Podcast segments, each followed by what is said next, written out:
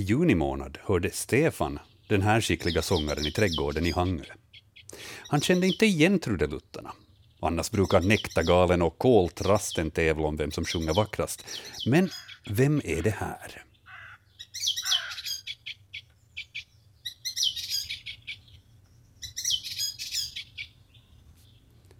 Vad säger kvällens experter Jörgen Palmgren och Hans Hästbacka? Känner ni igen fågelsången?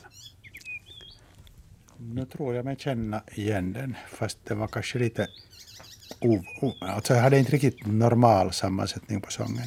Mm -hmm. Hur tänker du då? Ja, det, det skulle ha fått vara lite mer här sträva, äh, tärnaktiga eller äh, som vi brukar kalla gummiankaläten eller sånt här, men det är, det är nog ändå just den arten. Ja, gummianka-liknande. Ja. Ni vet sån här, sån här mjuk leksak som har sån pipande, ja. pipande ja. ljud om man klämmer på dem. En sån som man ofta har i badkaret. Ja, man kan ha i badkaret. Man kan ha, ja. ja.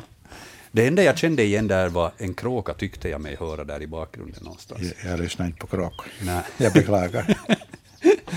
Men vad är det alltså som Stefan har hört som har sjungit i juni i trädgården i Hangö? Det är härmsångare. Härmsång? Mm. Den har förkärlek för sådana här sträva härmningar, tärna, fiskmås, beroende lite på var den har snappat upp de här härmningarna, men den just älskar sträva läten och, och, och sjunga ganska glatt, och, men ändå inte liksom lika skicklig och mångsidig som kärrsångare och busksångare. Mm.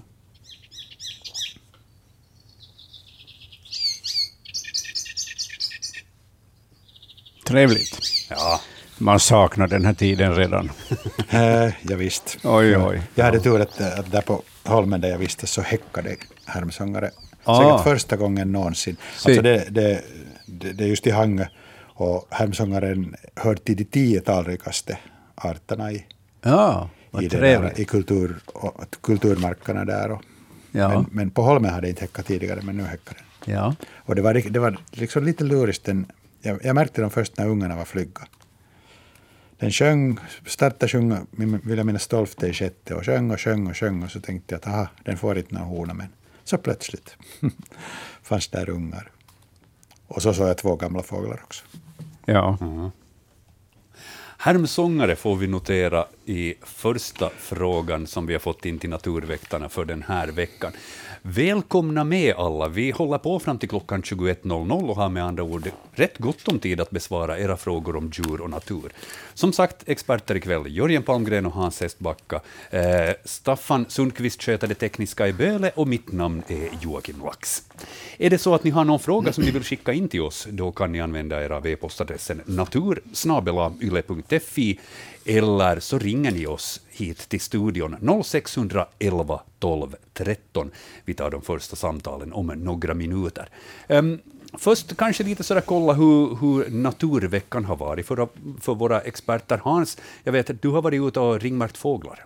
Ja, jag ringmärkte tonsvalor eller tonseglare som det heter idag. Uh, uh, hos eh, uh, Ole Antfolk i Övermark. Han har ett tjugotal holkar för för tonseglare och, och vi brukar försöka hinna, hinna ringmärka de här ungarna som växer upp i, i de här holkarna. Och, och det fanns eh, elva lyckade häckningar med två eller en unge i, i, i var holk. Och, och, och sen hade två kullar hunnit flyga ut. Det är ju i alla fall början av augusti, så vi var något för sent ute. Eh, men eh, i alla fall helt hyggligt. Eh, tre kullar blev förmodligen oringmärkta eftersom ringarna tog slut och det fanns tre, tre bra holkar kvar på, på ena husgaveln. Mm. Så att eh, det, var, det brukar vara en, en, en, fin inledning på augusti månad eller ett avslut på juli månad att ringmärka de här tonseglarna. Ja. Kanske du har hunnit vara och ringmärka du också, Jörgen? Ja, jag har försökt vara idag på morgonen, men det viktigaste var nog det att vi, vi gjorde med med det där, min fru och en av mina döttrar, Lilja, vår stora fiskljusrunda i Ekenäs skärgård. Ja. På tisdagen, jo. Jag, hade där, jag har fått, fått, för, fått vara med om uppföljningen av fiskustammen där sedan 79. Och fastän då jag slutade klättra för fyra år sedan när det kom nya, nya det där an, säkerhetsanvisningar, Ja. så har jag ändå följer jag allt, alltjämt med dem och, och vi besökte 14 revir och hittade sex bebodda bon. Fem eller sex var det, ja. Ja, ser du bara. Mm. Men alltså en del unga flyger än. Så Jo, det- jo. Men de är ändå där i närheten av boet. Hur har utvecklingen varit eh, sedan slutet av 70-talet? Eh, den har varit sådan att, att det, där, det fanns väldigt många bon på Hangöudd. Det var som mest nio bebodda. Och, och Ekenäs skärgård och plus en, en del fastlandsbor där så var det ungefär 15 sammanlagt, knappt 15 sammanlagt. Och den här Hangö höll på att bli tomt helt för ungefär tio år sedan. Men det, där är några sega, ett segt par på, på, på norr, norra delen av Hangöudd Och sen uppenbarade sig ett, ett nytt, nytt bo senaste sommar. Så där är en, en, finns ändå två kvar, fast jag trodde redan i ett skede att nu är de helt borta. Och där i Ekenäs skärgård, så där har, har den här stammen, eller häckande paren har kunnat, kunnat bättre klara sig i, i trycket av havsörn och allt annat. Men nu verkar det som det skulle ha varit en liten, no det, det, är- det är inte statistiskt signifikant, men en liten dropp igen i antalet lyck, lyckade par. Det är ju, det är ju det att om man tittar bara på ett år så där kan vara olika felfaktorer som man inte kan riktigt beakta. Men det har liksom börjat gå lite neråt också. Där, där är nog... På Hangöudden är nu utav så att havshörnen när den börjar häcka där så då, då, då, hade, då hade fiskhusen svårt där. Ja. Men, men där, där det finns en sån här bred och, och stor skärgård med, med mycket holmar och så vidare, så där, där tycks fiskhusen klara sig bättre i trycket. Mm. Där finns det med, det, alltså, handlar det bara om att det finns mera utrymme för dem? Det finns liksom mera utrymme. Ja. Det blir inte, ja, konflikterna blir inte så, så illa för fiskhusen. Ja, men vi, vi, vi får följa med läget helt enkelt och hoppas att, att fiskljusen kommer Jo. upp från den här lilla dippen. då. alltså den, jag tror att den inte... Jag tror att den inte desto mer kan repa sig där, men uh, bara den kan stå på sig någorlunda så är det alldeles fint. Ja. Mycket bra. Eh, vi ska hinna besvara eh, lyssnarnas frågor också, annars skulle vi kunna tala om fiskljus och tornseglare hur länge som helst misstänker jag. Men vi, vi behöver koncentrera oss lite på frågorna som har kommit in också. Vi har mängder av frågor igen. Tusen tack alla lyssnare för det. Det är roligt att ni hör av er, men tyvärr måste jag då genast säga att vi kommer inte att hinna behandla alla frågor som har kommit in. Men vi gör vårt bästa och de vi inte hinner med den här veckan så skjuter vi på till nästa vecka och så ser vi ifall vi någonsin kommer ikapp. Men bildbloggen, den hittar ni på svenska.yle.fi natur. Där har vi satt in de bilderna som eh, vi ska försöka hinna med den här veckan. Um, första eh, bilden som jag tänkte att vi behandlar. Eh, så det är Theo som har skickat in den. Han skriver att han besökte på måndagen 25 juli Hatt, nu ska vi nu tungvricksövning här. Hattelmalajärvi alldeles intill Tavastehus. Där, där fanns tre gråhakedoppingbon och det verkar som om de fortfarande ruvade. Kan det här stämma, undrar Theo? Mm, Ja, alltså bilden visar ju nog alldeles tydligt en, en gråhakedopping på en sån här flytande bokonstruktion. Och, och det var alltså den 25 i sjunde, det Ja, det var alltså lite, lite över en vecka sedan. Ja, det blir det. Ja, Ja, just det. Ja. Och det där, de kan ibland lägga om. Det är ju inte normalt att de är så här sena, men de kan lägga om och, och då, kan, då kan de nog... Jag, jag försöker bara minnas hur det var till exempel i Läppträsket i tiden när, när där fanns fyra till fem par. Så ibland fanns det väldigt sena par som, som alltså vilkas unge blev flygg först någon gång sent i september. Och, och det där Gråkadopping har en ruvningstid på ungefär 23 dygn, det är plus minus två, en dag eller två dagar. Och sen krävs det något vid pass, ja, drygt 70, 70 dygn för ungen ska bli flygg. Så det krävs ju nog ganska mycket tid.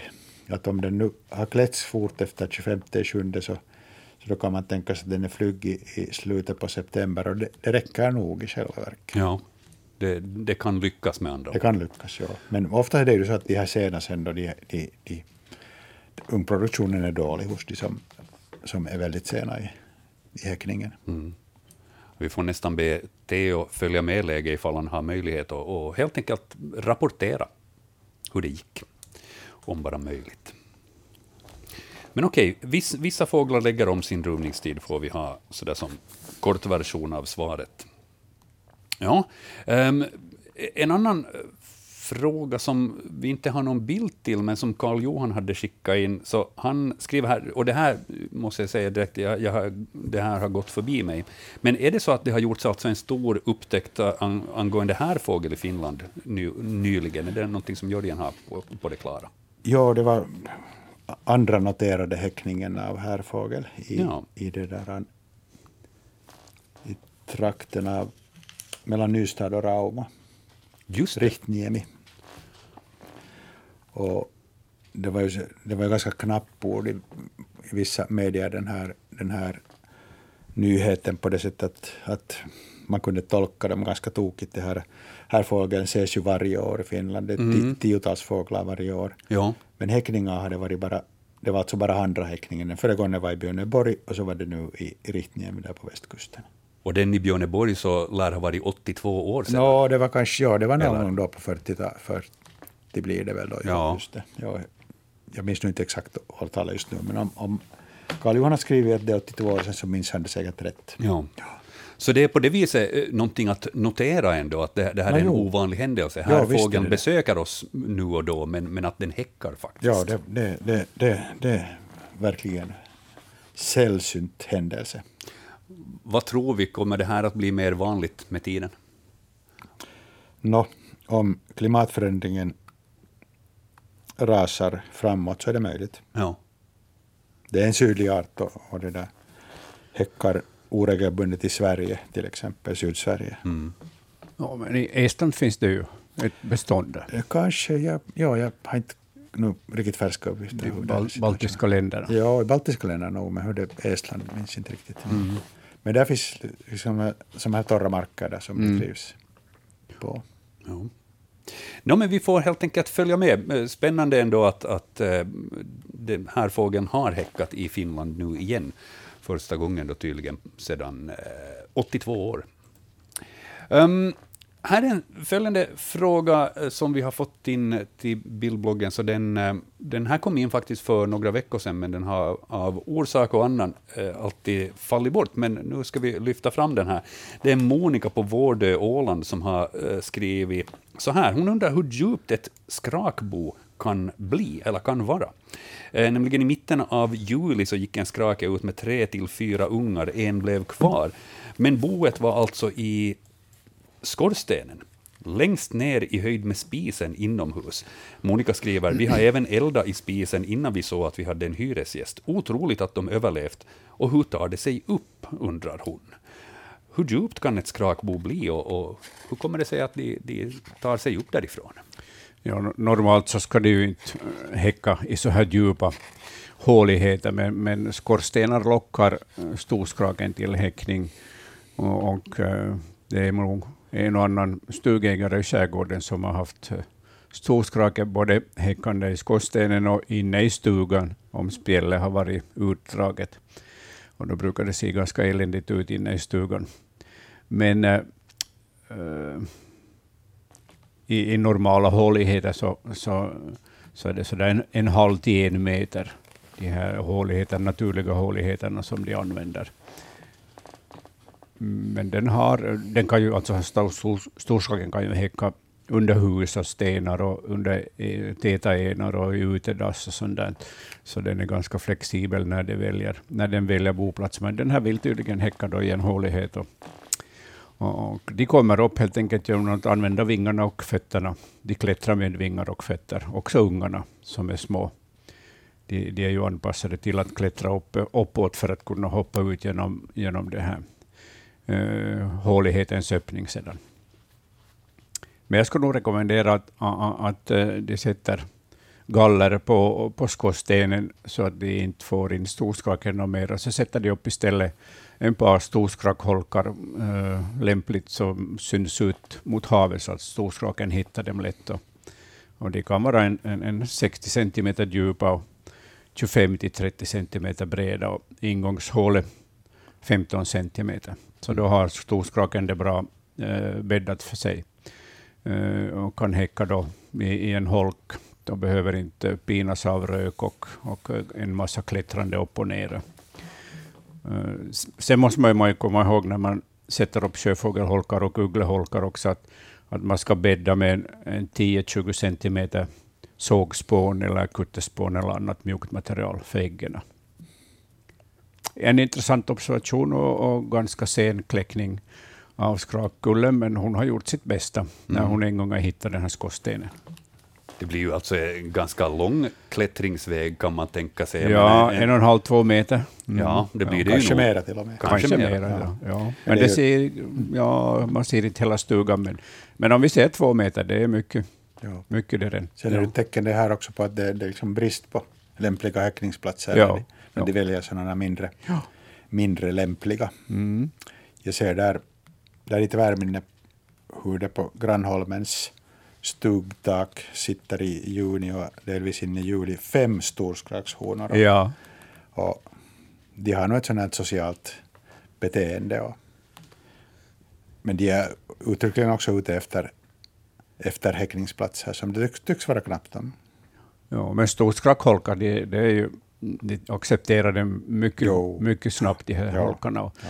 Och med tanke på, på mink eh, som ibland kan besöka sådana här utkärrsholmar eller skärgårdsholmar så, så är det bra att lägga upp dem på en 4-5 meters höjd, de här skrakholkarna.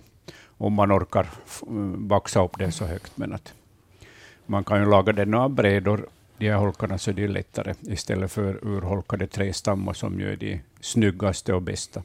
Men det är ganska många meter man ändå ska klättra upp med den sen. ja. ja. ja.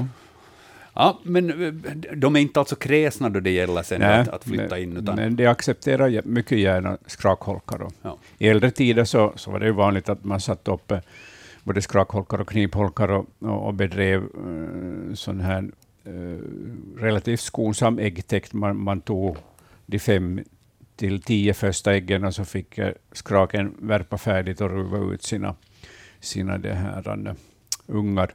Det var under självhushållningens tid när, när man hade levt på saltströmming och saltfläsk hela vintern, så det var färska ägg välkomna. Mm. Och på den tiden så fanns det ju i, inom vissa mycket holkbesatta områden så fanns det en, en stark stam av storskrakar i, i skärgården och knipor i inre skärgården. Men man kan, ju, man kan ju fortsätta med det idag också. Jag ska säga att eh, vi kommer att uppdatera bildbloggen efter sändningen med, med en kort version av svaren, så man kan också gå dit sen och, och kolla ifall det var någonting som lämnar lite på hälft, så då får man åtminstone en liten kort sammanställning. Men vi kan summera med att, att skraken nog bra kan klättra några meter längs en skorsten för att ta sig upp, ja, även ungarna. Jo, det, speciellt uh, de vuxna fåglarna som, som ju tar spjärn både med, med vingarna och med fötterna mm. i, i den här ojämna rökgången. Men det är ju ett, ett otroligt under att ungarna klarar sig upp för de här väggarna. Ja, verkligen. Och att det gick så bra också, trots mm. att de hade eldat i spisen, men då upptäckte att det fanns hyresgäster där. ja. Så det var bra att de, de lät bli att elda vidare. Helt enkelt vänta på att, att uh, fåglarna tog sig ut. Mm. Bra. Um, vi har en äh, 18 minuter ungefär tills det blir nyheter på den här kanalen, så jag kan passa på att säga 0611 12 13 är telefonnumret, ifall det är så att ni har någon fråga som ni vill ställa så här per telefon. Eh, men i övrigt så fortsätter vi med bildbloggen. Vi har många frågor där ännu att behandla. Ehm, följande är inskickad av eh, Felicia. Hon skriva så här. Vilket djur kan ha grävt upp och släpat med sig delar av vår döda och nedgrävda katt? Dålig bild, men eh, det fanns hårtussar här och där längs spåren som leder in i skogen. Vet ej om de ätit eh, av själva katten. Det är obehagligt som attan. Vilka djur grä, gräver upp och äter kadaver, undrar hon. Och eh, så har hon skickat in då en bild på på, på gropen helt enkelt som är kvar och den är ju ganska ordentligt uppgrävd. Eh, den här platsen. Eh, en hel del jord som har spritts längs med gropkanten där och eh, spritts ut i gräset. Men vad, vad har vi för, för djur som, som har ett sådant här beteende? Mm, rev och mårdhund äter ju gärna kadaver. Mm. Och det gör också björnen, men, men jag tror inte att björnen har varit i farten här, utan det, jag håller nog det högsta kortet på reven. Att den har grävt upp den här, den här döda katten och, och, och burit in den i skogen och, och ätit upp eh, det som går att äta.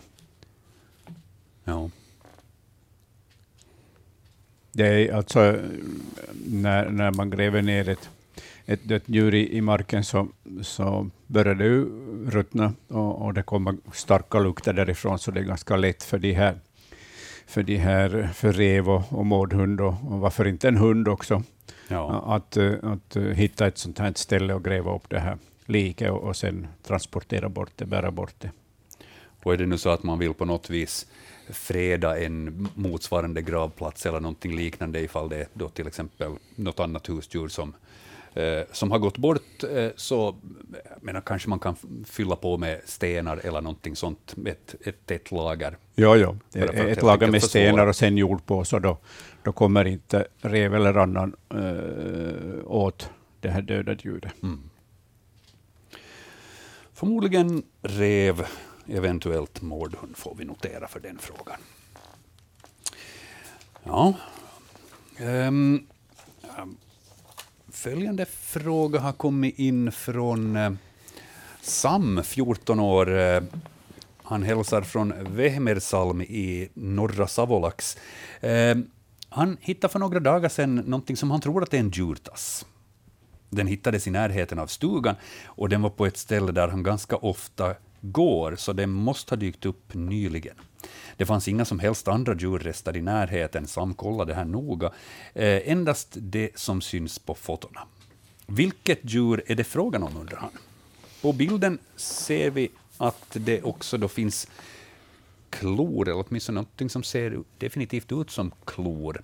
Vi har tre bilder. Um, till vänster så är det väl någon form av benpipa, och nu, nu liknar det ju alltså en tass med, med klor, helt klart. Eh, pälsen eh, vit går mot ljusbrunt. Eh, huruvida det då är bara smuts eller om det är färgen på pälsen, det vågar jag inte säga. Och så har vi en tändsticksask på bilden också för att lite sådär bestämma storlek och vad ska vi säga, den här, det som jag tolkar som sista delen av tassen där, där trampdyna och klor finns och sånt, så den är ungefär lika stor som en tändsticksask. Ja, färgen eh, säger nog entydigt att det är skogshare. En, en tass av skogshare som har blivit tagen på vintern, medan den ännu har varit vit. Och, och sen har någon, till exempel rev eller mårdhund, burit omkring den här tassen då och, uh, råpa, och låtit den ligga sen på det här stället där, där det här samma hittade den. Mm. Så att det här mm, skogsharens ena tass. Ja. Och om den har tagits på vintern, eh, just som du sa, att det förklarar varför pälsen är så vit där på tassen, så eh, den här pälsen har ändå hållits eh, så här länge.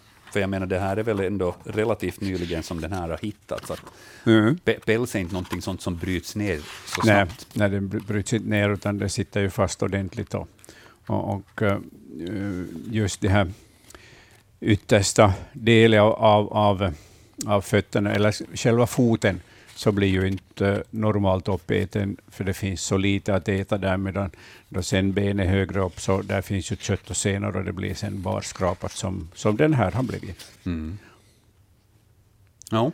Ja, ett intressant fynd. Det är Det är inte det. varje dag man hittar en hartas, framförallt inte en vit hartas på, sko- på sommaren då det är grönt i markerna. Precis. Man kan bli lätt förvånad. så. Mm. Ja.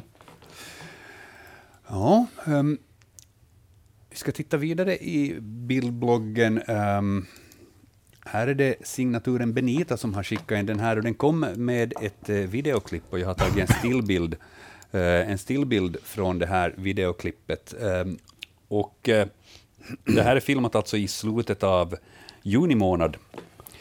Uh, 9.06 på morgonen hördes ett högt ljud på Svartbäcksfjärden och Benita såg en skarvflock som antagligen var ute och fiskade. Det fanns säkert en mängd skarvar under vattnet också. Så hon tog en kort videosnutt och undrar helt enkelt vad är läget just nu med skarvpopulationen i landet?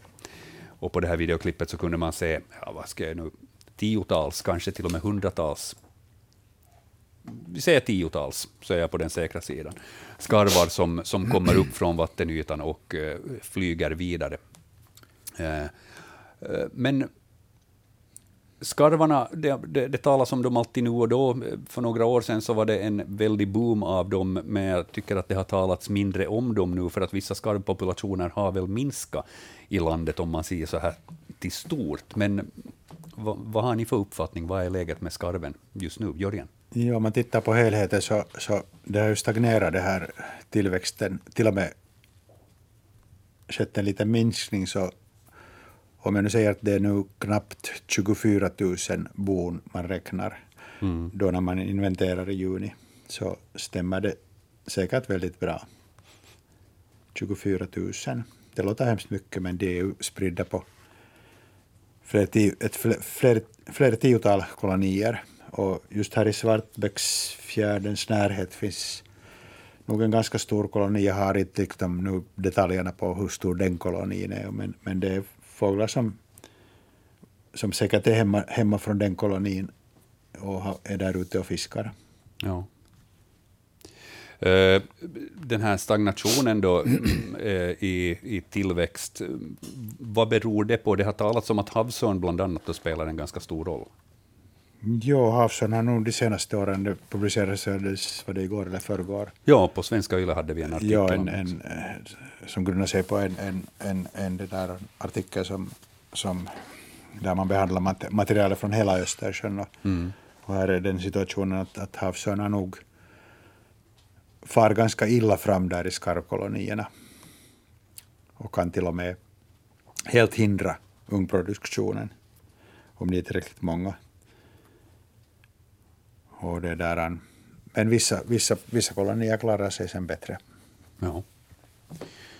Ja, ställvis har havsörnarna lärt sig att, ja. att smörja kråsa i de här skarvkolonierna. Och, och det kan ju samlas ganska många unga havsörnar i en sån här eh, skarvkoloni och, och tömma den småningom under eh, häckningssäsongen, både på ägg och ungar.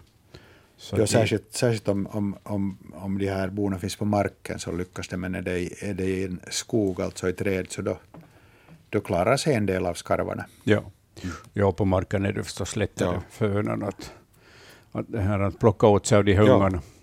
Så att på, på vissa ställen så har havsörnen börjat reglera den här eh, ska, skarvstammen. Ja. Hur det, eh, havsörnarna har väl inte samma beteende som till exempel mink och liknande, som helt enkelt dödar allt som finns där, inte bara för att äta sig mätt. Nej, utan det, det tar ett byte åt, åt ja. gången. Ja. ja det. Och det finns ju också enstaka havsörnspar som häckar som hämtar skarvungar och nerfallna fiskar från sån här, i, i sådana här skarvkolonier. Ja. Mm. Ja, det fanns för ett antal år sedan till och med en hav, ett havsörnsbarn som hade bo mitt i skarvkolonin. det var riktigt Ja. Som att bo i ett smörgåsbord. Ja, just det. Ja.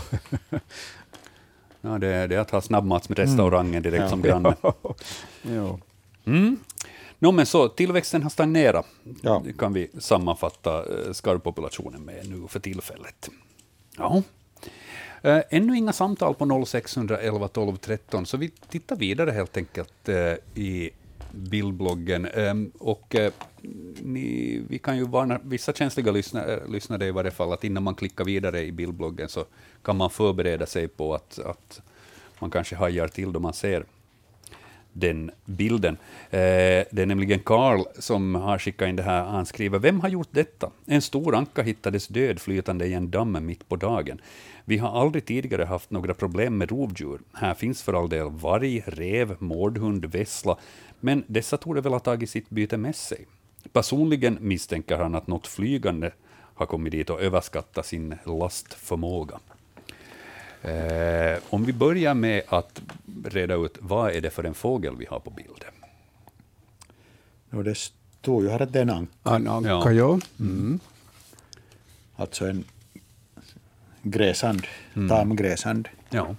Så där är vi på det viset överens. Ja. Eh, och eh, om man då tittar ner, det, vi talar väl bröstkorg här, jag menar en bit ner från halsen, så där eh, är det ett, ett rätt stort hål som, som gapar och eh, det ser ut som att någon har eh, försökt. eh, Är det, är det då bröstmusklerna som, som man har varit ute efter, eller har man varit ute efter inälvor, hjärta, Det liknande? ser ut som, man, som det skulle synas lite inälvor. Ja. ja, och bröstmusklerna också. Kanske just det. Ja, de här, det här helt enkelt bröstpartiet som är Ja. rikt på muskler och inälvor. Ja. Ett ganska stort hål ändå som är, som är på det viset rivet. Eh, och då ni tittar på det här med era expertögon, vad, vad tänker ni? Vad har, vad, har, vad har hänt med ankan?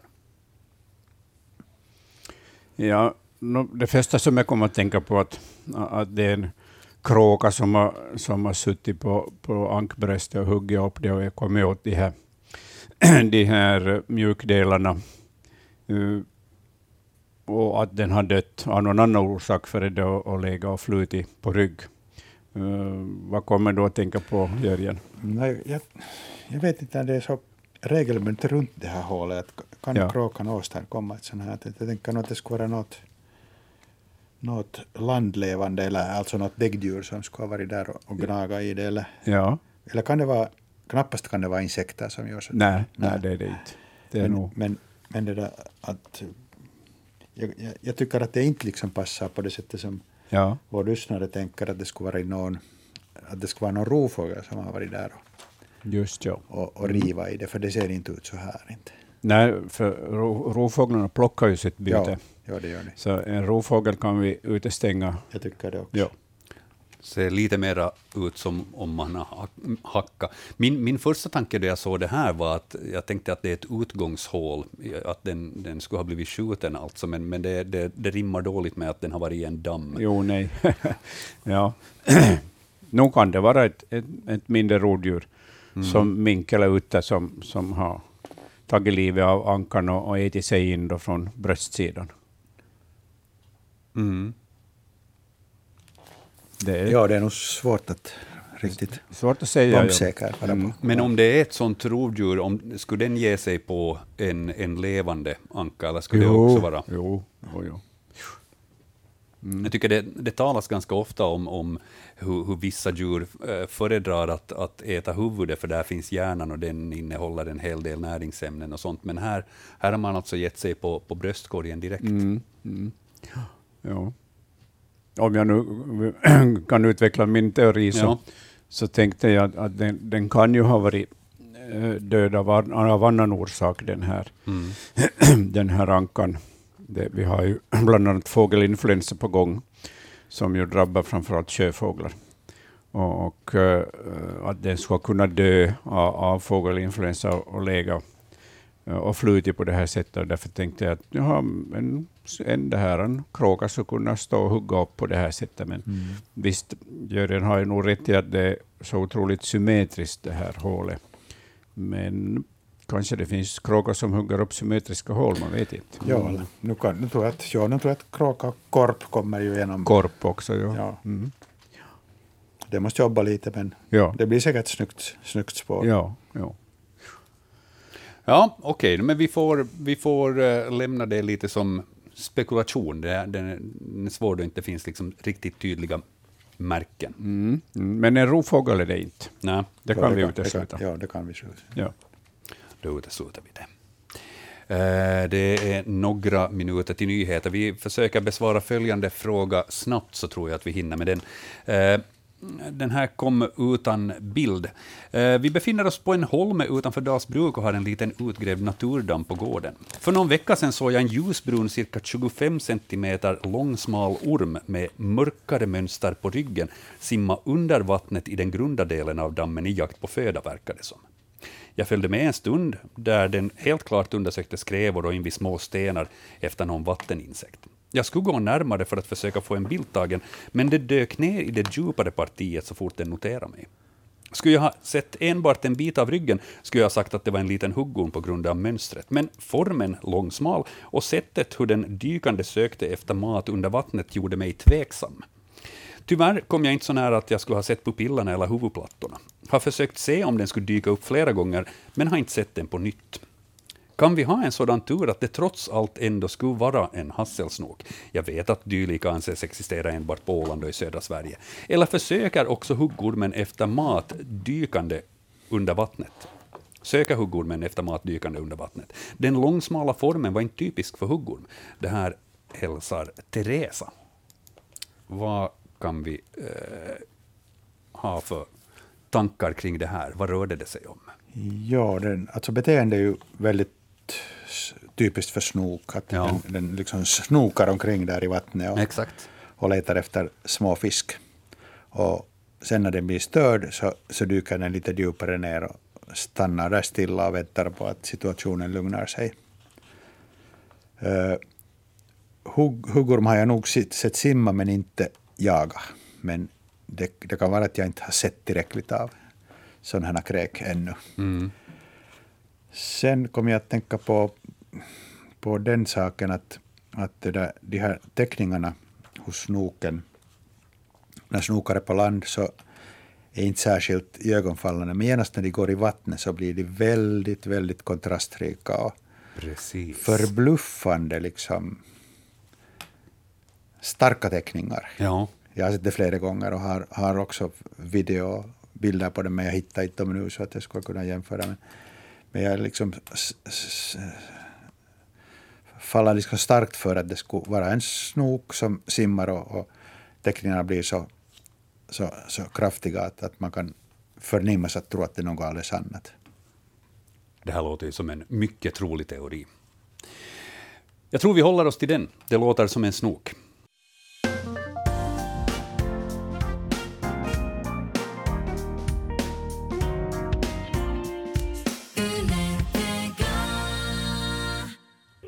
Ja, det var Åke Karlsson här, hej. Hejsan. Vi, vi har en villa ute i Petalax på berget Fjälin, är denna och min för två, tre veckor sedan då vi kom ut så var min fru be, bekymrad vad som har hänt. Hon har vi sex fina kejsarkronor som har just hade börjat blom. Ja. Och då vi ko, kom ut till denna så var de uppdragna allihopa en stor grop i och de lökarna var borta till. Är det trannorna? Eh, möjligtvis, möjligtvis. Nå, de har varit på, på, på grannholmarna, de varit i Pärnlandet nu, det vet jag. ja, de, de, har lärt sig att plocka upp potatis, så varför skulle de inte kunna prova på kejsarkronor samtidigt? jo, jag menar då, de var, de var hela annars, men nu, löckan var bort helt enkelt. Ja, med, ja. De, har, de har dragit upp dem helt, helt och hållet Ja. Mm. Nå, vi, det finns nog trannorna där ute, där vi är faktiskt så till denna. Ja, tranor- tranorna lär sig bara fler och fler knep att skaffa sig mat på. Ja, vi har nog en par andra äh, holmar som, som de också plockar pärorna från. Ja. Mm. Nåja, eh, vad är det, vad är det jag vill? Jag funderar faktiskt, men jag tänkte jag kan ju fråga åtminstone. Utan vidare. Utan vidare. Men Ja. troligtvis tranor. Ja, Det tack ska så. ni ha. Nå, ja. Tack, ha en Ja, skön kväll. Tack, hej. Ja, vad skulle inte de kunna äta? Jo, när de, de tycker om alla möjliga lökar. Det är mycket näring i dem. Vi ska ta följande samtal här nu genast också. Vi säger god afton, välkommen till Naturväktarna. Eh, God afton. Det här är från Kyrkslätt, Solveig Rosengård. Jaha. Och det där, eh, vi hade besök av en stor gräshoppa. Alltså vi har sett g- gräshoppor i Afrika men de har varit röda. Den här var grön och såg ut som en alldeles normal gräshoppa. Men bara 10 centimeter lång sådär. Och den var inne hemma hos oss och den ville inte gå ut egentligen. Hur vanligt är det? Ja. ja, dels hur vanligt är det att de inte vill gå ut? Det, det är ju kanske en fråga. Men dels också vad, vad är det för en, för en art? Vi ska se Ja. om vi kommer fram till något svar. Um, vänta, nu du sa 10 centimeter. Ja, ungefär. Ja. Det måste Hurdan- vara... en- Ja, Jörgen. Ja, hurdan, hurdan grön var den? Gräsgrön. Eh, En vanlig grön. ljus- Ljust grön eller, eller brungrön? Eh, eller, Mm. Brungrön, ljusgrön. Det, det är svårt att säga.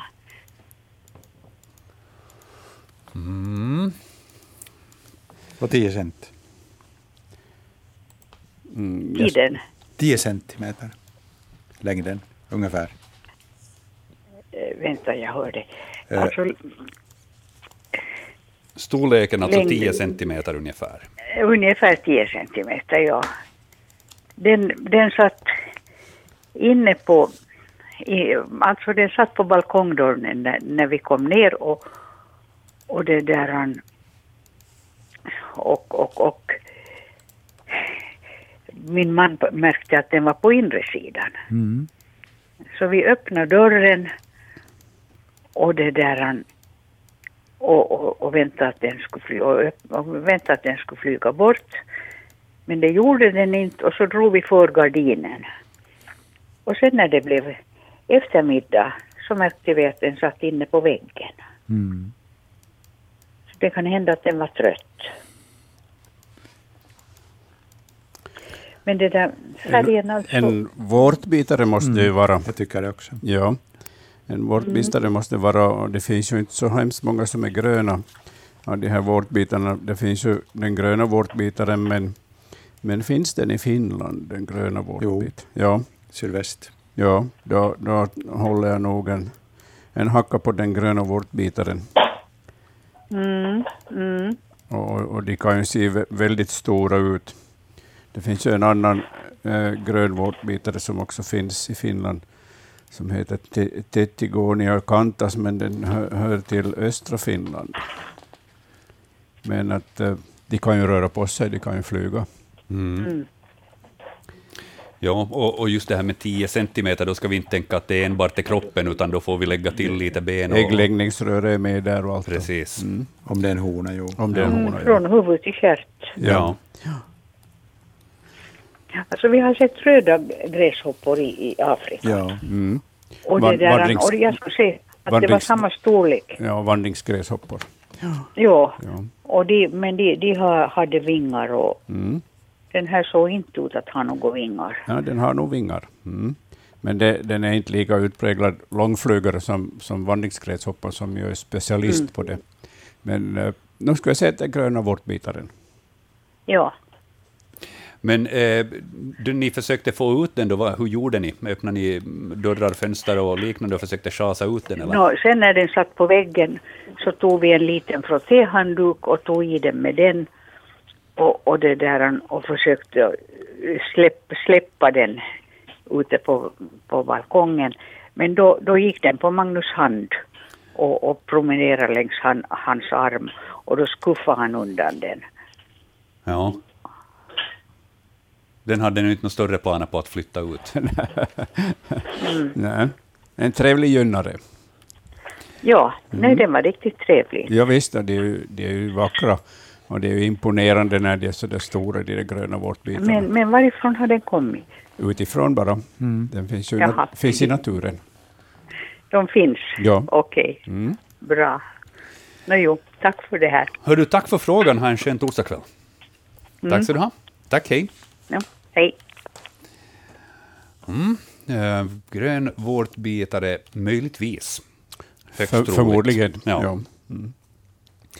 Jag utlovar en del eh, myrfrågor och eh, det ska det också bli. Vi har ett antal myrbilder på kommande i bildbloggen och eh, också en myrfråga här utan, utan bild. Så vi börjar beta av dem helt enkelt.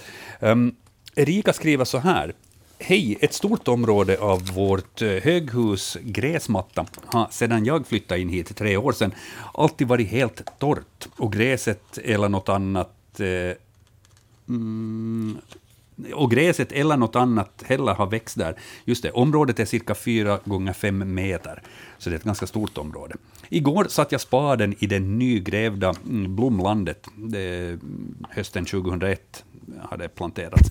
Det var fullt av små hål och spadtagen visade att det var fullt av myror, många med vingar. Blomlandet ligger cirka fyra meter från det torra området. Var just och tog ner byke och insåg att det torra området hade en hel del små hål och sand är sprättat upp ur marken. Frågan lyder således, kan det plötsligt betyda att det är ett stort bo av myror därunder? Men varför ser man då inte myror uppe på marken eller någon annanstans omkring på tomten för den delen heller? Alltid funderat eh, över varför det finns ett, så ganska, ett ganska så dött område på gräsmattan. Kan ni ge en förklaring? Det här hälsar Erika. Hur tänker vi här, Hans? Jo, nu är det ett stort myrsamhälle som, som lever under marken här och som har, har det här eh, utarma eh, eller hindra växtligheten helt enkelt att etablera sig här. Eh, nu kan jag inte säga vilken art det är, det, det måste jag ta som hemläxa till nästa gång och, och, och försöka kolla upp vilken art det är. Förstås den här svart tuvmyr eller svart trädgårdsmyra så ligger ju nära till hands att, att det är den som har ett, ett väldigt stort, väldigt stort uh, samhälle i det här, på det här, under den här marken. Mm. Och, och, just att, att hon grävde fram flygmyror, så stämmer bra. Flygmyrorna, alltså myrorna har ju svärmat den här veckan. Uh, och, uh, hemma i Hapajärvi så såg vi svärmning för tre dagar sedan en otrolig svärmning just eh, av den här, eh, av den här svarta trädgårdsmyran. Det tog kanske en 15 minuter så kom det ut hundratals med drottningar och drönare och så flög det iväg. Ja. Två stora trollsländor så dök upp från ingenstans i trädgården och så började de plocka svärmande myror. Och, och sen senare, eh, senare, en stund senare så så var det en hel flock med, med fiskmåsar och skrattmåsar som cirklade över det här stadsområdet där de hade svärmat. Det, det brukar ju vara många bon som svärmar på en och samma gång. Ja. Det, det, är inte bara ett bo, utan det är många samhällen. Hur de kan synkronisera det där så är ju en, en otrolig prestation. Men, men fantastiskt ser det ut. Vilken dag var det du hade dem? Jag tror det är det två eller tre dagar sedan. Ja, jag hade måndagen den första i Hangö. Ja fiskmås har 300 jagande. Ja, precis. Mm. Ja, jag kommer ihåg då jag upplevde det här, då jag liksom noterade för första gången, det här är, säg fem år sedan, eh, där i bostadsområdet där jag bor, då jag blev så förvånad över att vi plötsligt hade alltså tiotals fiskmåsar på låg mm, höjd ja. som cirklade omkring och jag kunde inte förstå vad det var ända tills jag började märka att nej, men okej, här är massor med myror också ja. som svärmar. Ja. kunde jag sätta Ja, det, det är otroliga de här måsarna på att upptäcka sådana här svärmande myror och andra insekter. Mm. Och sen samlas de och så plockar de febrint kära liv allt de kommer åt. Men äh, ska vi hälsa åt Erika helt enkelt att om hon har en kamera nära till hands och äh, råkar se myror där så kunde hon ta ett fotografi och skicka det till oss så kan vi närmare kanske artbestämma vad det rör sig om för myror. Ja, gav hon någon färg på de här myrorna? No. Nej, det var så att hon inte såg de där myrorna alls. Mm. Ja, nog när hon grävde upp. Ja, att det var ah, just det, ja. små hål, spadtaget visade att det var fullt av myror, många ah, med vingar. Många med vingar, och det var just då flygtid. Precis, ja. men inte desto mera sen huruvida de var svarta till färgen eller någonting sånt. Men, men, jag gissar att de är svarta till färgen, men, ja. men uh, hon kan säkert ge oss lite mer uppgifter. Precis, ja. så Erika får gärna skicka in på natursnabelayle.fi mm. ifall hon har möjlighet att ta en bild. Mm. Följande uh, myrfråga, den har vi på bildbloggen en bild av. Då är det uh, Anton, sex år, i Helsingfors, som uh, undrar vad det är för orangebrun myra som han har fotograferat. Den är cirka 3-4 millimeter lång. Uh, den bor och lägger ägg i sandlådorna under stenar. Har den en drottning? Han såg också den här myran ta en större myra helt själv. Och myran han har fotograferat, så den är, den är rätt sådär ljusbrun, nästan röd till färgen. Ja, färgen och, och storleken på 3-4 millimeter så, så passar bra in på ettermyra, eller ettergadd och pissmyra som den brukar kallas också, och rödmyra. Och, och, och den har ju en, e, e, ett, den sprutar ju in eh, verkligt svidande myrsyra med sin gadd, den här, den här eh, ettergadden, och kan döda en större myra ganska lätt. Så jag eh, är inte så överraskad, men det är ju en fin observation av, av Anton, att han har sett att den här lilla myran har tagit den stora myran. Mm. Men kanske lite otrevligt att ha dem här i sandlådan. Nej, så länge inte man blir anfallen av den så går det ju Ja. bra för sig. Men råkar man, jag har nog varit med om att, att tyvärr äh, hamna i ett sånt här äh, ättergaddbo när man har sysslat med någonting annat eller spanat in några fåglar någonstans eller fotograferat och sen märker man nog att man har hamnat på fel ställe. Jo då. jo då. Det är otroliga. Jag lekte kurragömma en gång och gömde mig bakom en björk och plötsligt svedde till i ögat, lite otroligt. Och då märkte jag sen att björken jag gömde mig vid så var full med myror. Ja, Så, så jo, man märker nog av det. det gör man ju. Men ättermyra får vi, eller ja, mer sådär vardagligt pissmyra får vi konstatera att Anton har upptäckt i sandlådan. Följande eh, myrfråga, där är det två bilder som jag har valt att lägga in på bildbloggen. Vi fick fler bilder än så, men jag har också satt dem som skilda bilder istället för att göra ett collage, för att helt enkelt man ska se bättre vad det rör sig om. Eh, Anna-Maria skriver så här. En holme i Västanfjärd 1 augusti 19-tiden en solig och lugn kväll. De små svarta myrorna svärmar, eller försöker, för det verkar som om myrorna försöker hindra flygmyrorna att lämna boet. Man ser att de klättrar upp på flygmyrorna och att de har käkarna uppspärrade. En flygmyra duk, dukar, dukar under och en efter en ger flygmyrorna upp och återvänder till boet. Bara några enstaka flygmyror lyckas lyfta. Det är vad vi ser på första bilden. Samtidigt, ett par meter bort, ur ett bo med små gula myror, ättermyror, kryper likadana, lika stora flygmyror ut och får helt oantastat flyga vidare.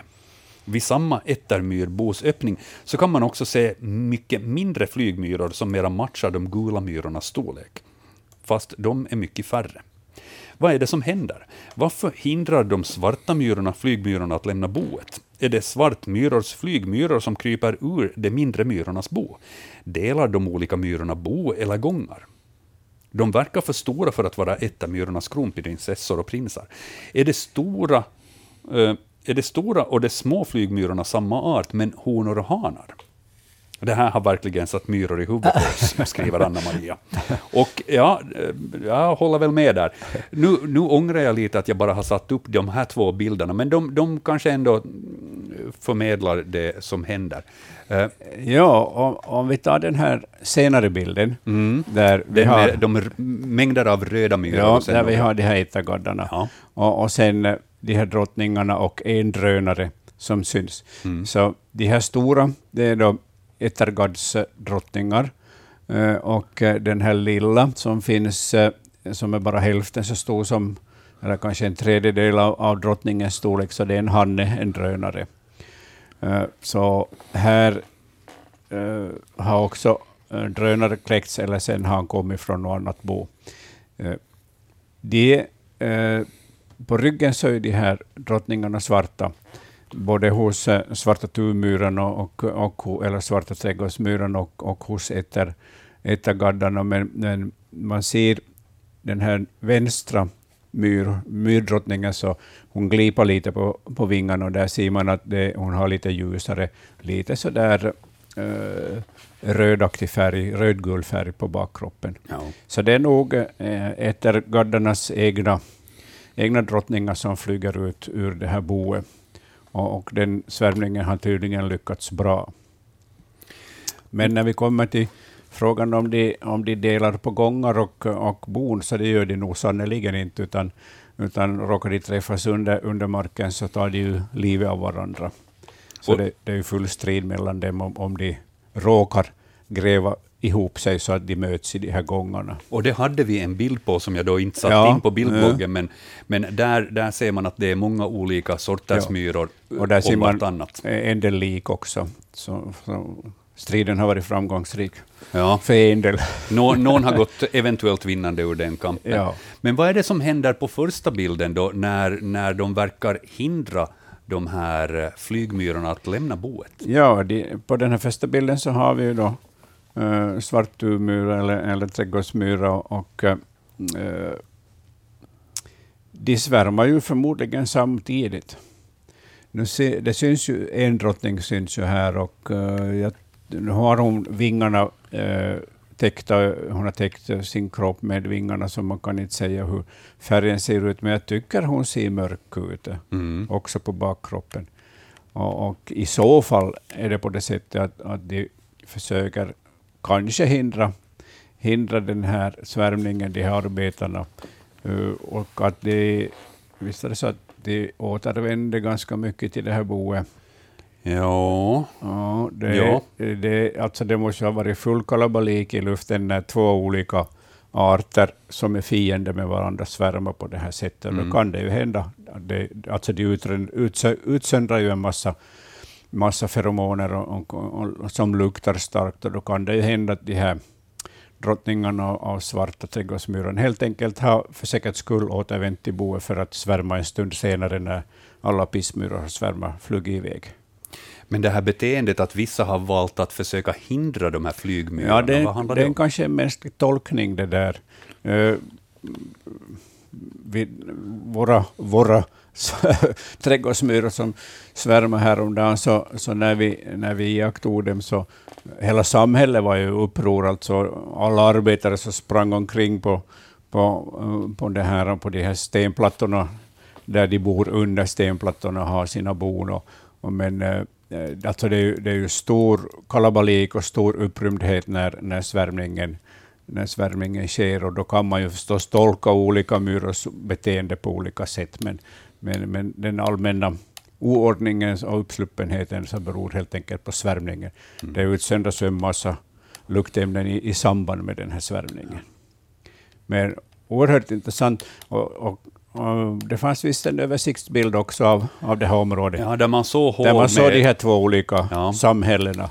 Och tydligen så, så finns det då svartduvmyra i det ena och de här ättergardarna i det andra boet. Och de har råkat då få samma svärmning därför att luftfuktigheten passade in, eh, temperaturen passade in och så var det solsken. Ja. Ja, det, och, och, så har det blivit konflikter däremellan ja, när visst. de har varit bara ett par meter ifrån varandra, de här samhällena. Så är det ju. Ja, intressant. Mycket intressant. Verkligen. Och eh, fina bilder måste jag också säga till Anna-Maria. Riktigt, man, man, man kommer nära myrorna här. Det är nästan så det börjar klia i kroppen. Men vi lämnar myrorna där. Vi har följande samtal på gång. Vi får säga god afton och välkommen till Naturväktarna. Ja, hej, det är Jan från Vårby i Pargosocken. Hejsan. Vad har du för en fråga till våra experter? Det gäller nämligen, äh, ska vi säga skit. Ja. Min grannens dotter har en liten mexikan, en chihuahua. Och och han gillar fågelskit, ska vi säga, när de är nere vid stranden. Ja. är det farligt för hunden att äta upp de där, de där korvarna då, som det finns ganska gott av? Mm. Du tänker ifall fågelavföringen innehåller någonting som inte hundar ska få i sig? Pre, pre, precis, ja. Jörgen? ja, är det, är det, är det rätt att anta att det är gåsbajs som den tycker om att äta? Det, det finns möjlighet att det är gås eller svan. Ja, om det är sådana äh, regelbundna cigarraktiga grejer så är det, som är, som är som liksom ganska torra, så då är det gåsbajs. No, det är väl gås, gås, men om det är men ja. alltså när större kakor så då kan det vara till exempel knösvan eller? Ja, nej, det nog, jag skulle nog säga att det går ja, säkert. Just det, ja. ja. Jag kommer nu inte riktigt ihåg hur, hur känsligt det är för hundar. Ja, jag, jag kommer inte ihåg, det var ju på, på, på, på, på radion här som, som hon djup där i så, så berätta om, om, om de här fågelinfluensagrejerna. Men... Mm.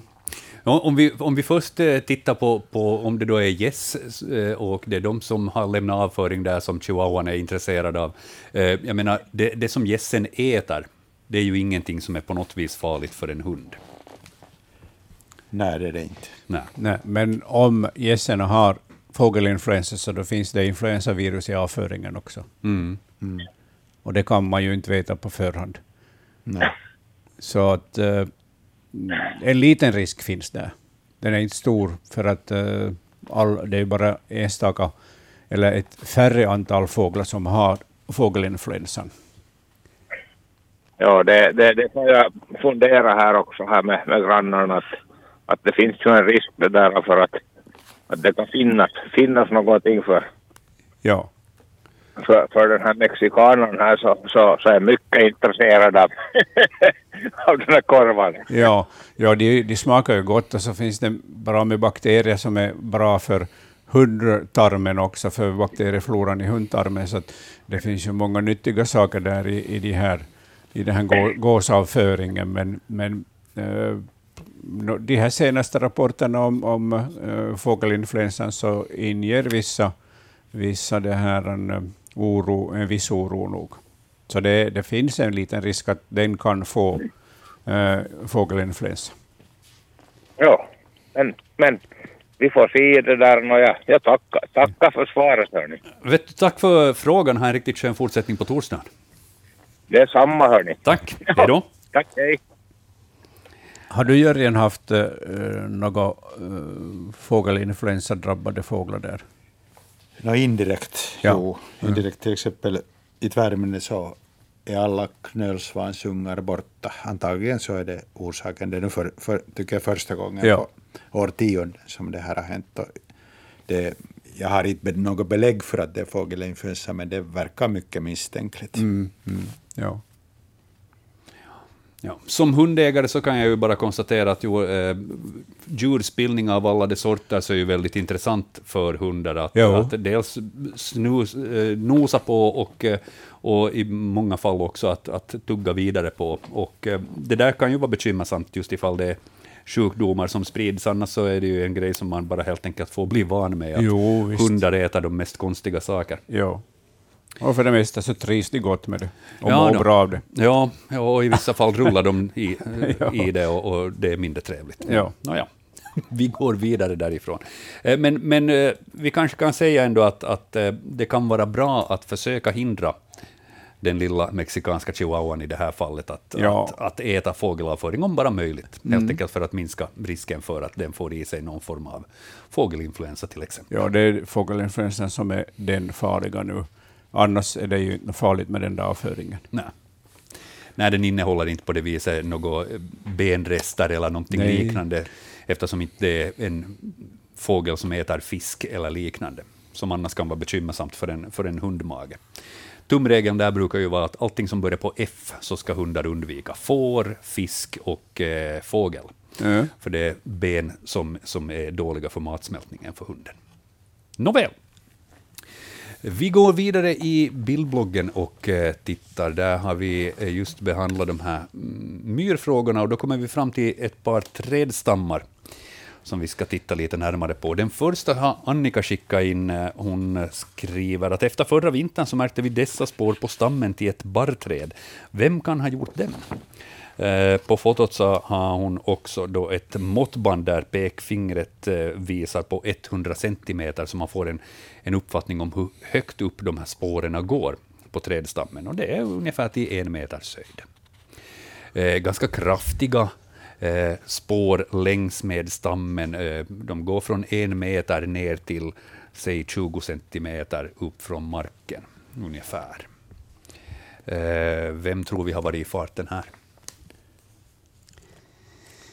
Det- Ja, jag funderar om det här skulle kunna vara eh, möjligtvis vitsvanshjort som har, har eh, skrapat sina horn ordentligt mot den här barken. Sen börjar jag titta lite närmare. Också den här hö låga höjden så, så talar lite för det. För att vitsvanshjorten så brukar ju skrapa, eh, feja sina horn mot eh, trädstammar och, eh, och också stångas med unga trädstammar på sådär en halv meters höjd. Brukar de hålla till. Mm. Sen så ser man att, att det här är, speciellt här i den här högra bilden till vänster om, om, den här, om det här måttbandet, så, så är det otroligt vassa de här, de här spåren. Ja. Ja, ja.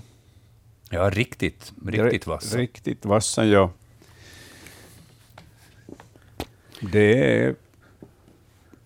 Jag kanske måste ändra mig när det gäller, gäller upphovsmannen till, till de här, för att de här, de här eh, vassa, djupa märkena så ser nästan ut som klomärken från uh, lo eller, eller björn. Det enda som, som jag tycker strider mot det, så det är ju att, att den här, det här stället är så lågt nere på stammen. Mm. Björnarna brukar stå och riva på stammen och, och då kommer de här märkena betydligt högre upp på en meter eller en och en halv meter. Men ett lodjur så kunna vässa sina klor på det här sättet. Och då skulle det röra sig om ungefär den här höjden. Ja, då kan det röra sig om den här höjden om den har hållit till på uh, lågt nere på stammen. Ibland tycker jag vi har fått in frågor också med, med, med, lite motsvarande märken på trädstammar. Då har vi kommit fram till att det har rört sig om någon fågel som har varit och letat efter, efter föda. För att ibland så, så har folk trott att det då rör sig om säg då till exempel björn eller att en älg skulle ha fejat sina horn eller någonting liknande. Men någonting sånt märker vi ju inte av här. Här är det inte någon Nej, det här, eller det här kan inte vara någon äh, fågel eller huvudbjörn. Äh, nej, nej, inte. Nej. Det, det, det, är nog de, de är speciella, de här vassa ja. nedersta delarna av spåren. Mm. Nu, nu, nu håller jag mest för att det är ett lodjur som har, har rivit, rivit den här stammen, revirmarkering helt enkelt. Ja, det är ungefär om man tänker att de här vassa spåren, att de, de är från samma tass till exempel, ja. så de är tre centimeter från varandra mm. vid pass. Ja. Hur bra passar det? Säkert ganska bra. Det passar ganska bra ihop, ja. Eh, ja, jag, jag skulle nog hålla för ett lodjur. Mm. som har varit framme här på, det, på, de här på den här stammen. Eller kan det ha varit flera djur? Uh, inte samtidigt i så fall. Nej, inte samtidigt, men, men, när de är så... Ja, det är, det är så, alltså, de, de revirmarkerar ju och för ja, att den ja. ena ska lära känna den andra så måste... Nej, jag tänker att det skulle kunna vara också vitsvanshjort, när de är så, ja. de är så väldigt olika, de här ja. spåren på olika delar av den här ja, stammen. det finns den möjligheten, ja. Att vitsvanshjorten har varit där och fejat och lodjuret har sen varit och... Och, och, och fortsatt, ja. ja. Mm. Ja, det kan man inte veta. Inte. Nej. Det kan man inte veta. Nej. Möjligt. Mm. Möjligt. Ja, jag håller nog mest på, på lodjuret här. Jag. Ja. Eh, följande bild i bildbloggen eh, så har, vad ska vi säga, jag tänkte säga ett lite motsvarande situation, men mm, ja, vissa likheter kanske. Eh, det är Maria vid Svinön, Larsmo, som undrar vem som har gått åt eken. Min ståtliga ek såg ut så här idag kan det vara ett rådjur. Diametern på ekstammen är cirka 30 centimeter, höjden på trädet cirka 6 till 7 meter. Eh, jag satte genast på trädvax, så hoppas innerligt att den överlever, hälsar hon. Eh, och eh, om vi skulle beskriva det här trädmärkena, så alltså, på det viset lite samma som, som det här trädet som vi tittade på nyligen, att här har det också fejats bort, eller skalats bort en hel del av, av eh, eh på stammen. Eh, men, men här hittar vi inga djupa eh, spår på samma sätt. Eh, men den här, den här skadan på trädstammen, den, den ser ju inte riktigt färsk ut. Här, här ser det ut som att, att eh, under barken så har det redan hunnit, hunnit bli ganska brunt, det här trädet. Det har, det har nästan gråna. Eh, och, eh, och själva barken ser ganska torr ut också runt omkring. Eh, och, och barken hänger liksom i, i, i långa strimmor som också har böjt sig, eventuellt då just för att de har torkat. Vad, vad, vad har herrarna för tankar kring det här? Eh, hon- eh, hon har fotograferat det, stod det något, något datum på det där, sommar är det i alla fall. Ja, sommar är det, men Jul, det, juli är det också. Mm. Hon skriver att det såg ut så här idag och fotografiet är nog taget mm, här i veckan eller sent förra veckan. Ja. Men jag tycker också att det ser ut som ett äldre spår det här. ja. Det bara förvånar mig, eller det som förvirrar mig är att min ståtliga ek så, såg ut så här idag. Ja, Det, det låter som att hon blir förvånad över att det har hänt plötsligt. och Men kanske inte hon har lagt märke till det tidigare. jag, jag tänkte närmast att tankegången, jag hade samma tankegångar. Att, Ja. För det ser gammalt ut. Mm. ja. Ett rådjur är det inte. Rådjuren eh, de fejar ju sina horn nu. Eh, Och eh, de tar, ger sig på sådana här små plantor en, till, en, till en meters unga träd som, som de fejar och skrapar med sina horn. Så de, de väljer inte ett sånt här, eh, ett sånt här eh, grovt träd det, det är uteslutet. Så det, den, den, djuret kan vi utesluta. Då finns det nog kvar de här två alternativen som vi har diskuterat tidigare. Då det, och det är då, eh, uh, vitsandshjort och lodjur. Mm. Svinön, Jag tycker, jag tycker den här, den här barken den, den ser verkligen strimlad ut som efter kloret. Uh, så det, det är möjligt att det är lodjur som har varit framme här också. Vi har ju lodjur i Österbotten på många ställen, så Ja. den är ju inte alls ovanlig. Här ser man inte på det viset på trädstammen från de här bilderna. Kanske lika klara märken som skulle vara djupa som man skulle kunna tänka sig att det är kloskrap. Men, Den här ek, ekbarken är ju relativt tjock, ja. så jag tror att eh, om man ser på föregående bild så, så, så är den här näven eller barken på det här trä, tidigare trädet så, så det är ju tunt jämfört med, med ekens. Så att här passar nog också lodjuret fram, passar in bäst, tycker jag. Mm. För att mm, den, när den river med sina klor så river den uppifrån ner och, och då kan den åstadkomma sådana här strimlor av, av ekbarken eller vilken bark som helst. Helt säker är jag inte, men jag skulle nästan tippa på att det är samma, samma djur. Mm. Samma djurart som har varit i farten. Här har vi inga eh, noteringar på, på vilken höjd de här märkena är, men, men eh, Jag skulle säga att det är sådär på en meter och neråt. eh, meter och neråt, ja. Mm. Ja, eventuellt lodjur här också. Ja. Det, det är intressant med sådana här, och, ibland är det svårtolkade, när, när man har sett så pass lite av, av, av, det här, både lons och, och björnens eh, rivna stammar. Ja. För det mesta så ser man ju vitsandshjort, eh, vi- märkena efter vitsandshjortens fejningar och älgens fejningar. Och rådjuren. Och rådjuren, ja. ja. 20 minuter i jämn timme är klockan. Det är Yle Vega och Naturväktarna som ni lyssnar på. Här har ni möjlighet att få svar på era frågor om djur och natur. Eh, vill ni så kan ni ringa 0611 12 13. Det kan hända att vi lyckas eh, få med ett samtal eller två här ännu ikväll. Eh, då har ni möjlighet att få svar av Hans och Jörgen här i direktsändning. Men eh, vi har också mängder av bilder att titta på i bildbloggen, eh, så vi kan åtminstone nu titta på följande som är en fiskfråga. Eh, det är Rune som har skickat in den här. Han fick den här fisken vid Furuholmen i Ingo eh, i mitten av juli på ett 40 mm nät. Och, ehm, eh, han undrar helt enkelt vad är det för en fisk? Han skriver den har inga fjäll. Ehm, och eh, ja, så ser det ju ut samtidigt som den nog är mönstrad som om den skulle ha fjäll. Hur ska vi beskriva den här? Den är, eh, hur stor är den? 20-30 centimeter, 30 centimeter kanske. Eh, på en större bild här så fanns, så fanns det en filékniv i närheten och de var ungefär lika långa kanske som fisken. Kanske 40 cent. Kanske 40 centimeter. 35-40. Ja. Den är nästan sådär gyllenbrun på något vis, lite till färgen, lite mörkare sen på ryggen. Eh, fenorna mörkröda. Och väldigt runda. Ja, nästan, nästan vinröda till färgen. Eh, jag har ingen aning. Jörgen? Jag, jag skulle kalla det sutare.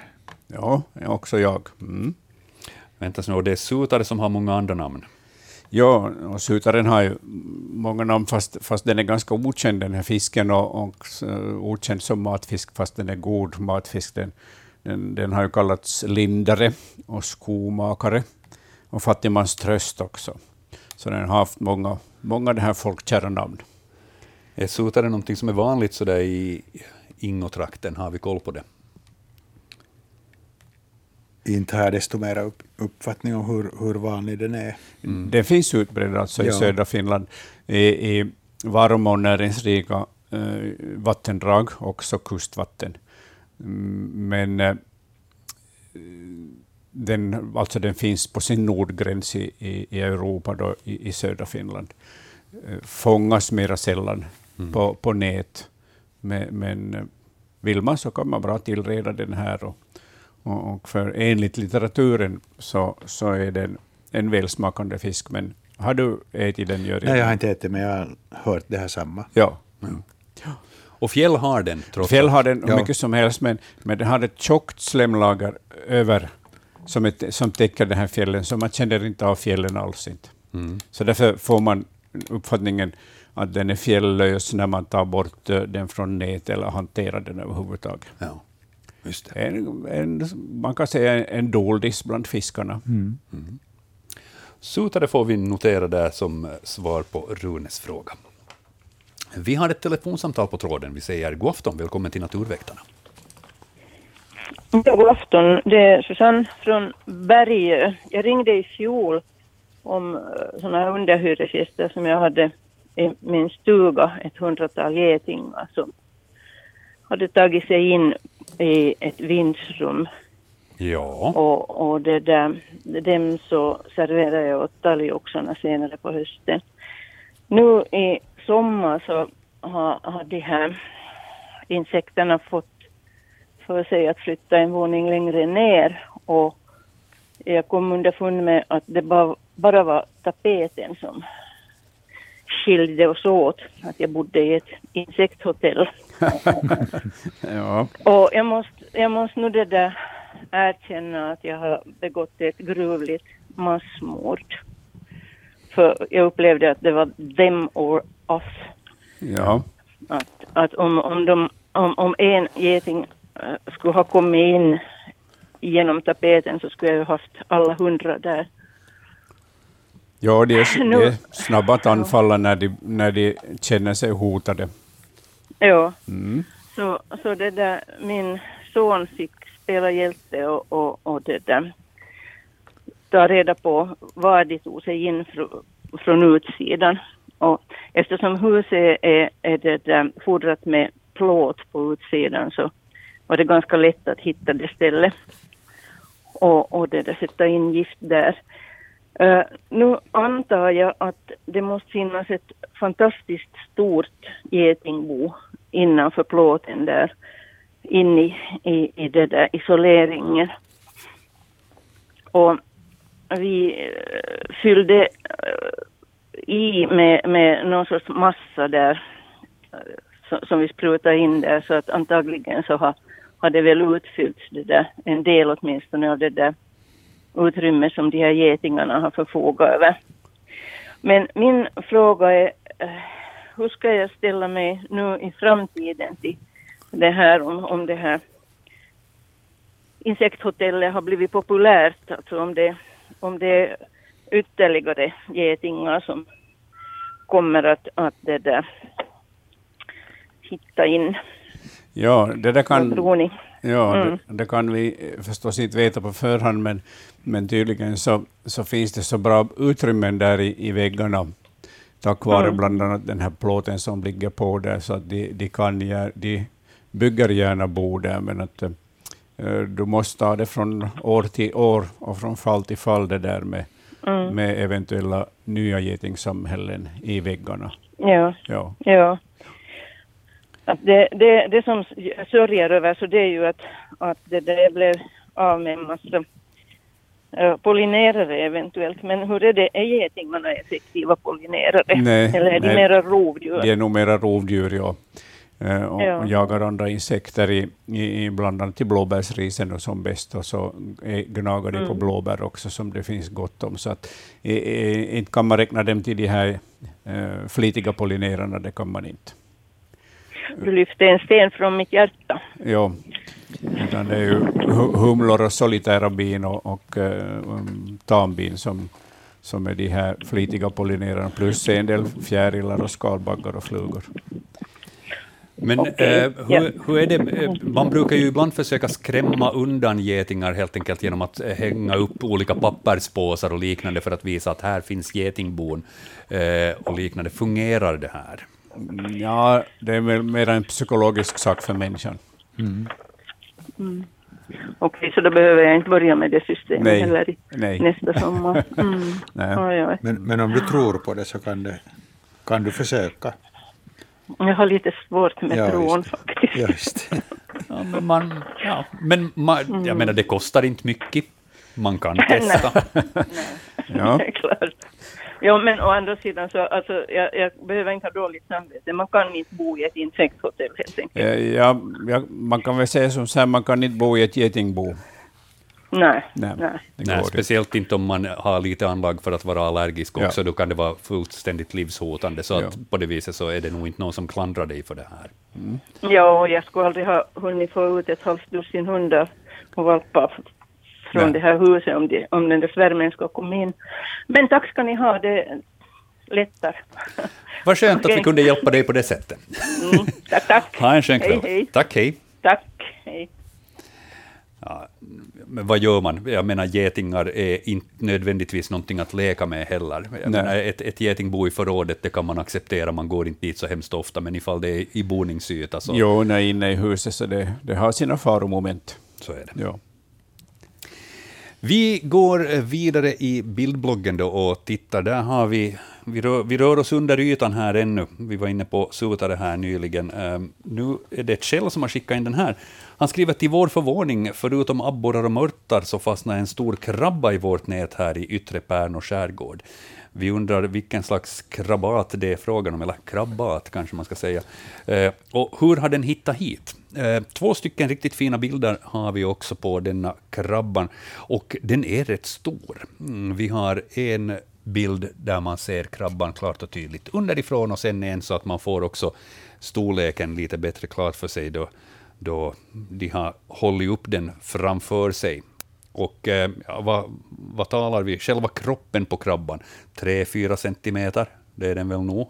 Åtminstone 10, kanske 5, ja 10 Ja, centimeter. du, du räknar in klorna Ah, och sånt. mm, ja. Men själva liksom kroppen, där talar vi kanske 3-4 och sen så talar vi klorna till. Åtminstone 5 centimeter kroppen. Ja. Ja, ja, precis. Rätt stor är den. ja, den är stor. Men det här, det här är ju en, en krabba som vi väl har, har sett tidigare, tycker jag, här i Naturväktarna. Hur är det, Jörgen? Om, om det är en ull, ull- ullhandskrabba så har vi. Ja. Ja. Och det, det är nog en ullhandskrabba, ja. Exemplariskt fotograferad underifrån och ovanifrån. jag tycker just att de, de, här, de här ljusare klorna ser bekanta ut. Ja. Och sen de här ulliga eh, boxarhandskarna. Så en ullhandskrabba, och, och det här är ju, det här är ju inte en, en krabba som på det viset hör till vår natur sådär traditionellt. Nej, det här är en invasiv art som har kommit från, från det här Asien, främst från södra Kina, och, och eh, spridit sig bland annat till Östersjön med ballastvatten från eh, lastfartyg. Den har också tagit sig till eh, Nordamerika och hur var det, hade den tagit sig till Australien också. Så att det, är, det är en som, som har spridit sig ganska vitt och brett i haven i, i världen. Men hur, hur är det, har vi den här, alltså förökar den sig här längs våra kuster? Eh, Ja, enligt eh, litteraturuppgifter så borde den inte föröka sig, men eh, hur är det Jörgen, tror du den klarar, klarar av förökningen där nere? Den ska ju ha en viss salthalt i, ha, Ja, i ja. vattnet. Jag, tänk- jag kommer inte ihåg det så i detalj det här. Att, Mm. Hur- det är är det nog på gränsen skulle jag Mm. säga. I södra Östersjön, danska sunderna, där, där förökar den sig nog. Ullhan skrabba. Mm. Jo, den behöver en salthalt mellan 25 och 32 promille. Ah, så mycket. Ja. Mm. Okej. Då klarar Det, den kan, inte, det kan räcka med 15 promille. ja. Då klarar den inte Nej. av att föröka sig i våra Nej. vatten. Nej, det kommer säkert med,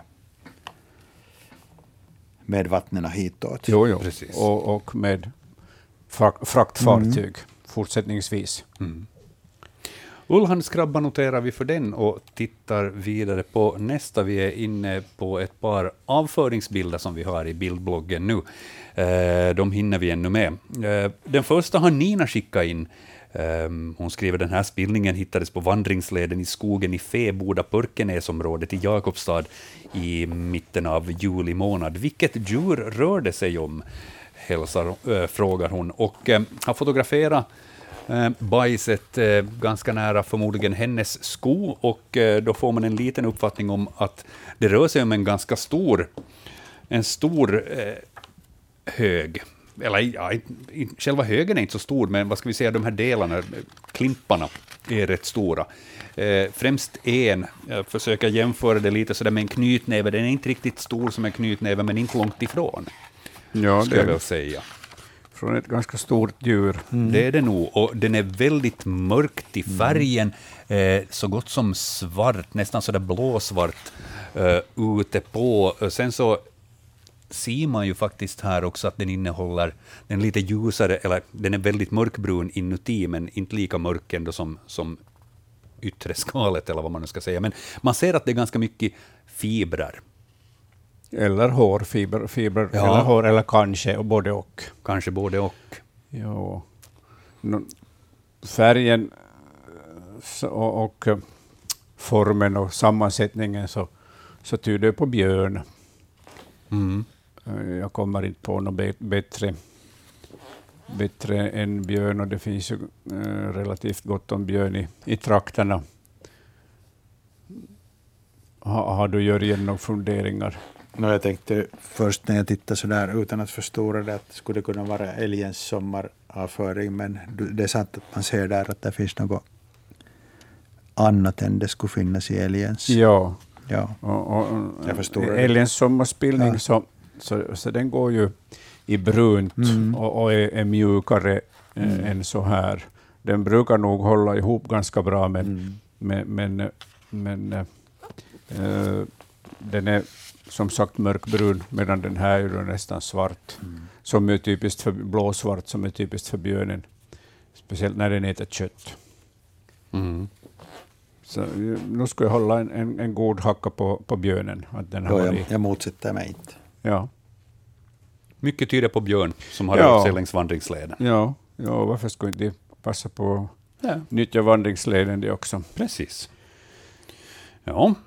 Eh, följande spillningsbild så är nog av något mindre djur. Um, det är bild nummer 15 i bildbloggen. Uh, Ann-Britt har skickat in det här. Hon skriver vi har en stuga i Pargas skärgård. Mitt under dagen för några timmar sedan uppenbarade sig detta bajset på vår klippstrand. Något rovdjur, men vilket? Barret ger en antydan till storleken och i bajset finns delvis något som liknar blåbärsrester. Eh, Ann-Britt undrar också varför det har blivit så vitt så fort. Och det måste man väl ändå hålla med om att den här avföringskringlan, så den är väldigt vit, eh, åtminstone då liksom på yttre sidan. Och då tolkar jag det lite också som att den har, den har blivit vit på en Ja. kort tid. Att inte nödvändigtvis varit så här vit då den har lämnats. Nej, den kommer ju aldrig vit ut. Det är bara Ja. fågel, fågelspillning som, som är vit när den kommer ut, därför att där är det urin med urinsyra som färgar fågelspillningen vit. Men, men eh, storleken och formen så skulle ju bäst passa in på, på det här på revet. Mhm. Och, och jag kommer inte på någon fågel som skulle ha sån här avföring, eller vad säger Nej, du? nej, det, det fin- jag, jag, har, jag har inte sett sådana hos fåglar. Så, och revarna, de äter ju mycket bär Ja. och vi har mycket blåbär, så att eh, högst troligt så finns det blåbärsrester i här. Så att, nu, nu ligger det närmast eh, till att det är reven som har varit framme just storleken, formen och sen den här avslutningen, sån här avsmalnande avföring sedan. Ja. Och eh, om det inte är en svamp som hastigt har koloniserat den här avföringsytan och gjort den vit på det här sättet, så, så är det helt enkelt eh, kalk från benrester som, som revbenen har ätit som, som har färgat det. Men att det kan hända att det är en, en, någon mögelsvamp som hastigt har angripit den här avföringen. Mm. Ser lite ut som en, men jag är osäker med det. Revspillning Rev- noterar vi. Mm. Vi har eh, tre och en halv minut sändningstid kvar eh, och en hel del obesvarade frågor. Jag tycker vi tar snabb version av några larvfrågor där vi helt enkelt bara ger arterna utan att desto mera gå igenom dem. För att många av de här arterna så har vi tagit upp tidigare i Naturväktarna. Eh, första bilden har Hannu, eller första bilden har Hannu skickat in. Detta låg på botten in till stranden. Vad är det för något? Cirka fem centimeter. Och vi ser att det är resten av en larv. Ja, en grön larv som har ett tydligt huvud och en, ett eh, mörkt öga. Och sen har den svarta, några svarta prickar på kroppen, på sidorna. Och sen när vi går till följande larv som, som är fotograferad av, av Annika, Ja, så eh, då ser man eh, samma art ovanifrån och den har då en, en svart rand på ryggen. Men man ser det här karaktäristiska huvudet som pekar neråt i bilden. Och, och det här är då eh, stora klubbhornstekens larver, gröna larver. Och stora klubbhornsteken så har vi ju, ja, den brukar dyka upp varje sommar. Ja. Eh, mera sällan larverna, men, men stor klubbhornstekellarv. En annan favorit i repris så är också följande bild som Eva har skickat in, Eva i Paipis. Hon hittade den här stora vackra larven för en vecka sedan i trädgården. 6-10 centimeter då den sträckte på sig. Den är väldigt mörkröd med en ljusare röd i botten. Och glansig. Ja, den här är ju bekant. Vem av er tar den? No, jag vet ju inte så hemskt mycket mer om att det är en trädödare. Det räcker. För att den har vi talat om ganska många gånger och nu vet vi vad den heter. Ja, och, och den ger sen upphov till en eh, vackert färgad fjäril som heter träfjäril, Mm. som går i, i brunt och grått. Ja. Sen hinner vi alldeles kort också titta på följande larv som Greta har eh, skickat in. Det Marianne som har skickat in mamma Gretas eh, bild här och undrar helt enkelt vad är det här för en larv? Och den här är, den är brun, spräcklig, har några lite ljusare ränder och sen eh, jag tycker mig se ett litet horn i det som jag uppfattar som huvudet, men det kan lika bra vara, vara stjärtändan och sen någonting som påminner lite om ögon sådär, eh, som går i lite grått och svart. Vad är det där för en? Vi tar den riktigt kort. Ja, det här är larven av, av större snabelsvärmare som lever på duntrav och sen blir det en, en otroligt vacker svärmare i, i uh, orange och uh, ljusgrönt. Och där så är vi i mål. Mer hinner vi inte med tyvärr den här veckan. Men tusen tack alla ni som har lyssnat och tusen tack till Hans Hestbacka och Jörgen Palmgren som var experter ikväll. Och ni är också experter nästa vecka. Tack till Staffan Sundqvist också som har skött det tekniska. Är det så att ni har frågor till Naturväktarna, e-posta dem på natursnabelayle.fi. Det var roligt att ni rattade in den här kanalen och det här programmet. Vi är alltid lika glada över att vi har någon som ställer frågor och någon som lyssnar.